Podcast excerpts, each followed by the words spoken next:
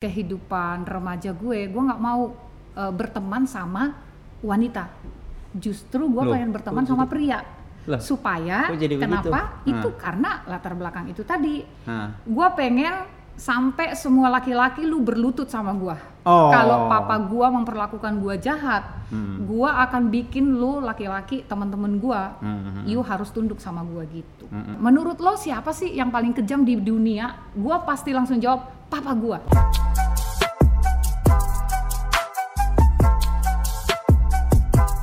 Ya, selamat datang kembali di podcast Suara Next Gen.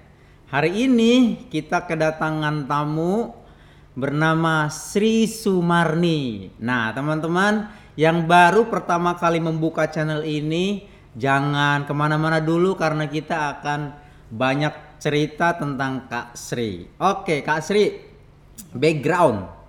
Namanya aja background, berarti di belakang ya. Belakang. Oke, Kak Sri boleh ceritakan sedikit uh, asal dari mana dan bagaimana dulu cerita tentang keluarga atau masa masa kecil seorang Sri di masa remaja atau punya cerita yang menarik mungkin untuk teman-teman di rumah bisa dengarkan. Oke. Eh, perkenalan diri dulu. Iya, iya Oke, betul. Baiklah. Ah, teman-teman, eh, terima kasih saya ada di sini bersama Jack D yang luar biasa ini loh. Saya mau perkenalkan diri, nama saya Sri Sumarni Sidabutar. Oke, dari namanya berarti dari Medan Orang ya. Batak. Eh, tapi gini kak, eh, Kak Sri itu kan identik dengan orang Jawa. Jawa. Itu kenapa tuh? Ada cerita nggak di balik itu?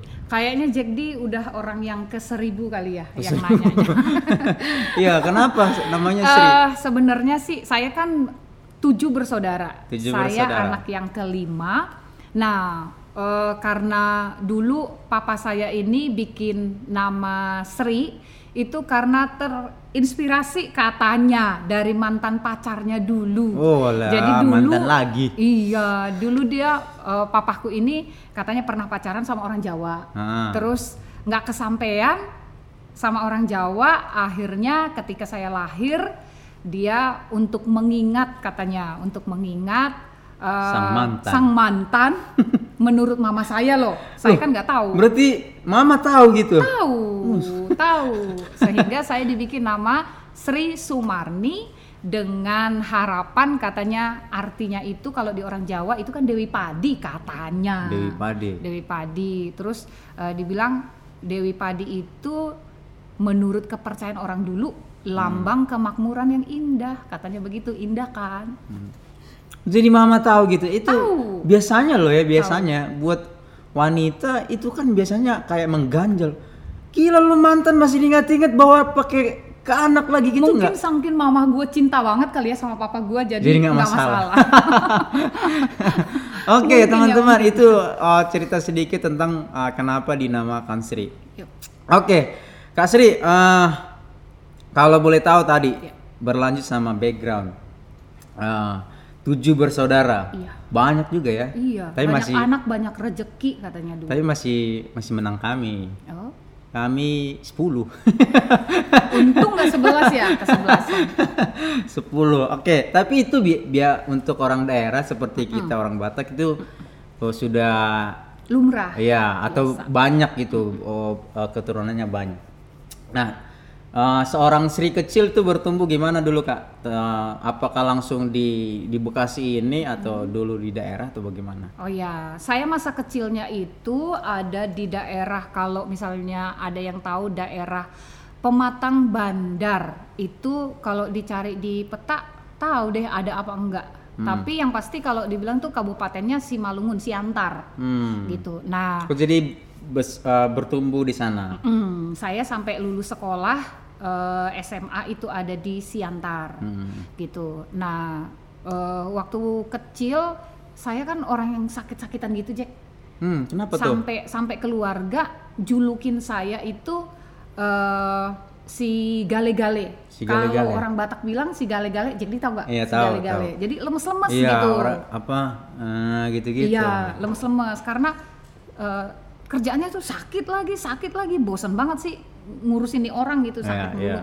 gitu. Tapi eh, setelah saya besar, lulus sekolah, saya merantau ke Bekasi, Mm-mm. gitu, merantau ke Bekasi, eh, bekerja di salah Tahun satu berapa tuh kak kalau boleh tahu? tahun 99 99. iya tahun 99 saya ada eh, bekerja pada waktu itu dari. Orang kampung berangkat ke Jakarta Jakarta. tinggal di Bekasi kira-kira Oh. Oke. eh, sedikit lagi nih kak soal keluarga. Eh, sep- eh, kalau ya ini sebagai trigger mungkin ya. Saya bertumbuh di keluarga yang memang pada waktu itu posisinya sudah dalam cerai ya cerai Oh, saya ingat sekali papa mama tuh cerai pas saya umur 8 tahun jadi mau masuk. Eh bukan bukan 8 tahun. U- u- eh, kelas 3 3 SD 3 ke 4 gitu. Jadi saya bertumbuh akhirnya dipindah-pindah begitu. Nah kalau boleh tahu nih kalau Kak Sri ada kapan nah itu maksudnya maksud maksud maksud saya Kak itu pengalaman saya bertumbuh melihat orang tua. Dan buat saya itu adalah pengalaman yang pahit gitu. Nah, ad- adakah pengalaman juga seorang Kak Sri mengalami hal yang sama atau sebaliknya happy happy aja? Oh, sangat banyak, sangat banyak. Eh sebenarnya gini, eh gua kan anak kelima. Anak kelima. Eh, eh, jadi di atas gue tuh udah pada pergi gitu. Jadi di rumah tuh sepertinya masa remaja aku gitu. Masa Iya. remaja aku, saya cuman tuh ama ama tiga orang. Hmm. Jadi gue, adik gue, adik gue gitu. Nah, jadi papaku ini menurut aku tuh seorang yang sangat kuno dan kejam.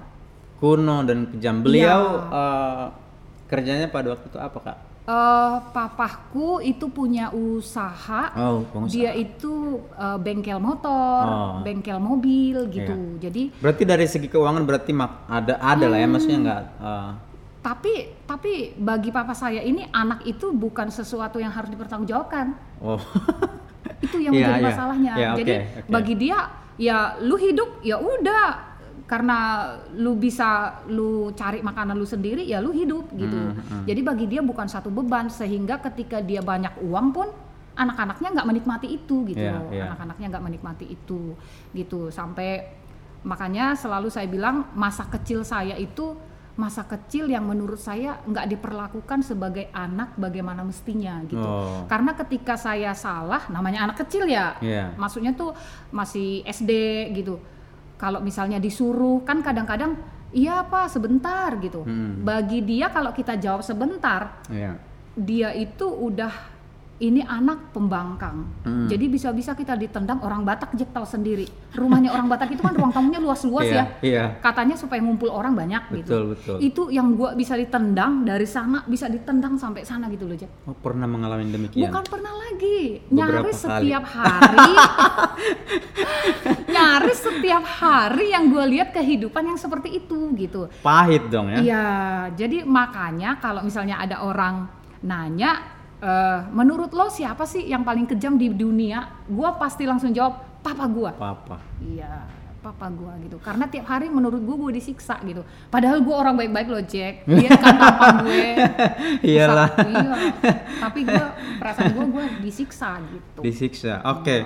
Eh, jadi menarik itu apakah perlakuan itu hanya kepada anak yang kelima ini atau kepada yang lain juga begitu? Atau mungkin karena memang nggak ngelihat kakak-kakak di atas karena udah pergi kali atau bagaimana?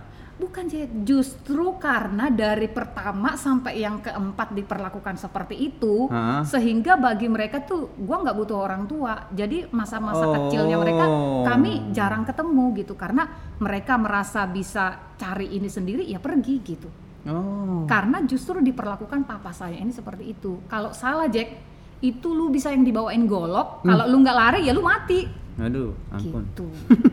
Berarti otoriter banget ya? Ya, Kasar bukan banget. otoriter Bukan, ya bukan. Jack, kejam. Kejam, oh Iya, kejam. menurut gua sih kejam. Lah terus posisi mama Hanya pada waktu cuman sama satu orang dia baik, Eh, sama adik gue, Ya, Yuni. Oh. Jadi iya. satu-satunya yang diperlakukan sebagai anak menurut gue itu Hmm. adik gue, Oh. Yuni. Waktu itu posisi mama seperti apa? Apakah lebih berpihak? Kayaknya kalau gue ceritain panjang ya Jack. Mama gue intinya buta deh pada waktu itu. Maksudnya buta Buta, memang tidak bisa lihat. physically buta. Iya, oh, dari aw dari Eh, Sebenarnya sih enggak sih. Ketika gue dari umur eh, lima tahun kayaknya. Gue Buta. umur lima tahun, mama gue tuh nggak bisa lihat. jujur lokasi aku baru deng- baru tahu loh. Ben- Iya. oh, benar buta. Iya. Jadi mama gue tuh nggak pernah lihat pertumbuhan gue seperti apa gitu. Maksudnya eh, Dari oh umur berapa remaja, tadi? Dari Dari- umur gue lima tahun mama gue udah nggak bisa lihat. Hmm. Jadi kalau gue nggak ngomong ya mama gue nggak tahu. Ini siapa sih yang lagi ngomong gitu? Sakit kah atau emang Sakit. sakit ya? Sakit. Katanya sih katarak. Hmm. Tapi kan namanya di kampung ya Jack. Iya. Katarak. Terus udah itu dibawa berobat nggak sembuh-sembuh juga gitu. Mm, mm, mm. Ya nggak ngerti deh gue.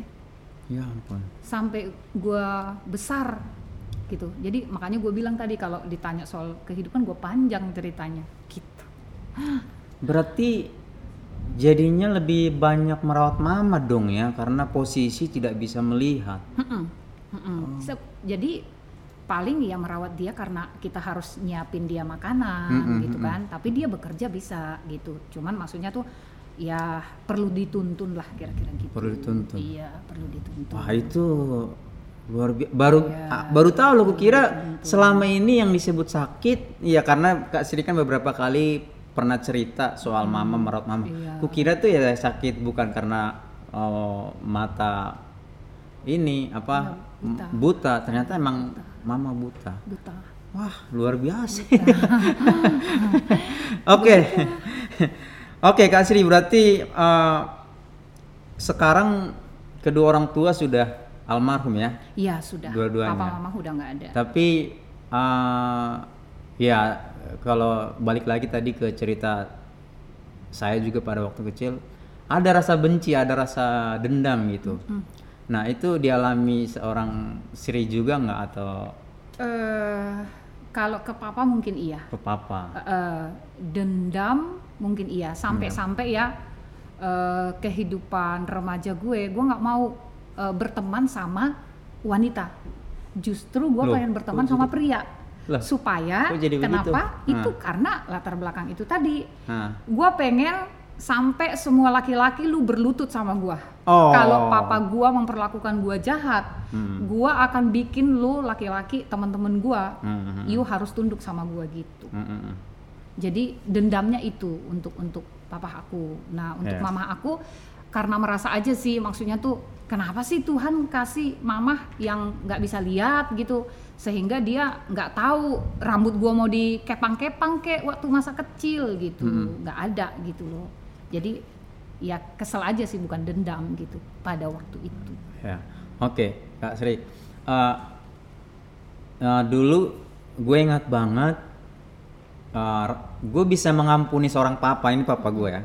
Gue bisa mengampuni papa itu karena ada momen di mana eh, waktu itu gue lihat eh, video ya, video, di mana video itu menceritakan seorang ayah itu memperlakukan sangat menghargai anaknya yang pada waktu itu kondisinya tuh ini cacat. Sam- karena anaknya pengen ikut lomba gitu ya di, di diikut sertakan. Tapi semua yang melakukan kegiatan olahraga itu adalah papanya karena dia saking sayangnya kepada anaknya. Nah itu momen itu waktu itu Tuhan pakai untuk menyadarkan seorang Jack D untuk tidak eh, Benci ke papa. benci ke papa. Nah, ada nggak momen di mana kakak tuh akhirnya pada pada akhirnya uh, melepaskan pengampunan buat sosok ayah? Eh, sampai pada meninggalnya papa saya, Hmm. saya tetap menyimpan dendam. Oh gitu. Jahat banget gue ya. Sampai pada meninggalnya. Sampai meninggalnya Iya. masih tetap ada rasa dendam. Iya, justru momen ketika gue lahir baru, Ah. momen ketika gue lahir baru, di Iya. situ gue bisa melepaskan pengampunan. Tapi ya gue nggak bisa lagi dong ngomong sama Iya, papa iya, gue, karena ya ngomongnya udah ke Tuhan. ada ya. Gitu. Jadi di tahun berapa tuh kak? Papaku meninggal itu tahun 91. 91. Iya. Berarti satu tahun setelah merantau ke sini dong? Tidak, kan saya Kan tadi 9 eh enggak, Coba. saya merantau ke sini itu 90 98. oh 98. Iya. Oh ya. Oke, jauh ya. Papa saya meninggal 91. Oke. Saya kan masih sekolah Jack 91. Iya. gua tua amat sih. Oke, Kak, gimana gimana rasanya kita bisa eh, kan itu kan pasti bertahun-tahun ya. Eh, kita menyimpan dendam Dendam. ke oh, ke papa gitu. Padahal ya itu papa kita juga. Kita nggak bisa keluarkan dia Iya. gitu. Itu gimana rasanya tuh hidup dalam rasa dendam dan kemudian apa bedanya ketika kita sudah melepaskan pengampunan meskipun sosoknya sudah tidak ada kan pasti ada bedanya karena gua ngalamin kak itu berbeda banget Iya. Eh, pada waktu pada waktu papa saya masih hidup, Mm-mm. jadi saya sebenarnya berbuat baik sama dia Mm-mm. karena memang takut gitu loh. Ya. Karena memang rasa takut. Waduh, kalau sampai gua nggak taat, Jack, gua udah bilang kan bawain golok dia, gua mati gua. meskipun udah jauh tapi tetap masih ada rasa takut Enggak, jadi maksudnya waktu ketika bersama-sama Oh, masih bersama-sama, gitu iya. kan. Jadi sehingga kalau ditanya soal perbedaan itu nyata banget. Nyata banget, Eh, ya. eh, Yang dulu itu ketika masih bersama-sama, Hmm. gue tuh yang mengalami ketakutan, tapi mengalami apa sepertinya gue tunduk gitu padahal di hati gue berontak Iya. sekiranya bisa nih tengah malam gue bunuh deh lo gitu gue sekiranya gue laki-laki nih ya gue bunuh deh lo gitu Tonjok-tonjokan dulu ya. iya. tapi kan setelah gue lahir baru Iya. gue mengalami pengampunan semua gue tumpahin ke Tuhan Iya. Tuhan gue minta ampun dulu aku pernah berniat untuk bunuh papaku ini ketika Iya, dia iya. tidur semua pokoknya gue omongin gitu ya gue tinggal ngomongnya ke Tuhan aja nggak bisa lagi ngomong sama papa gue ya ke Tuhan ngomongnya dan itu hati kayaknya lega banget gitu Iya, iya, pastilah. Iya. Eh, emang emang Kayaknya berasa bebas. banget sih kalau buat teman-teman yang di rumah mungkin pernah ngalamin eh, benci banget kepada satu sosok gitu, entah itu ayah, ibu atau siapa pun ya. Eh, pada saat kita berani atau kita momen kita melepaskan pengampunan memang berasa banget, berasa Iya. banget. Tuh, aku ngerasain waktu itu gini kak, Eh, aku kan punya adik oh seorang Jack D juga pernah sakit Oh, hati pernah dong. Kepada sosok ayah itu lumayan sakit gitu. Yep. Nah, pada saat pulang itu mereka ngapain sih Jack ke ke rumah papa segala. Kalau mereka tuh benar-benar nggak nggak mau bahkan berpapasan gitu satu kampung kalau pas lagi pulang tuh mereka nggak mau. Oke, eh, Kak Sri itu cerita seorang Sri kecil dan juga pertumbuhan di keluarga. Nah, buat teman-teman yang di rumah eh, pasti juga eh, mengalami yang itu tadi benci atau dendam gitu kepada siapa pun orangnya. Eh, apa yang sudah dialami oleh Kak Sri bisa kita contoh karena itu tadi beda ketika kita sudah mengampuni, melepaskan maaf buat apalagi orang itu adalah sosok ayah.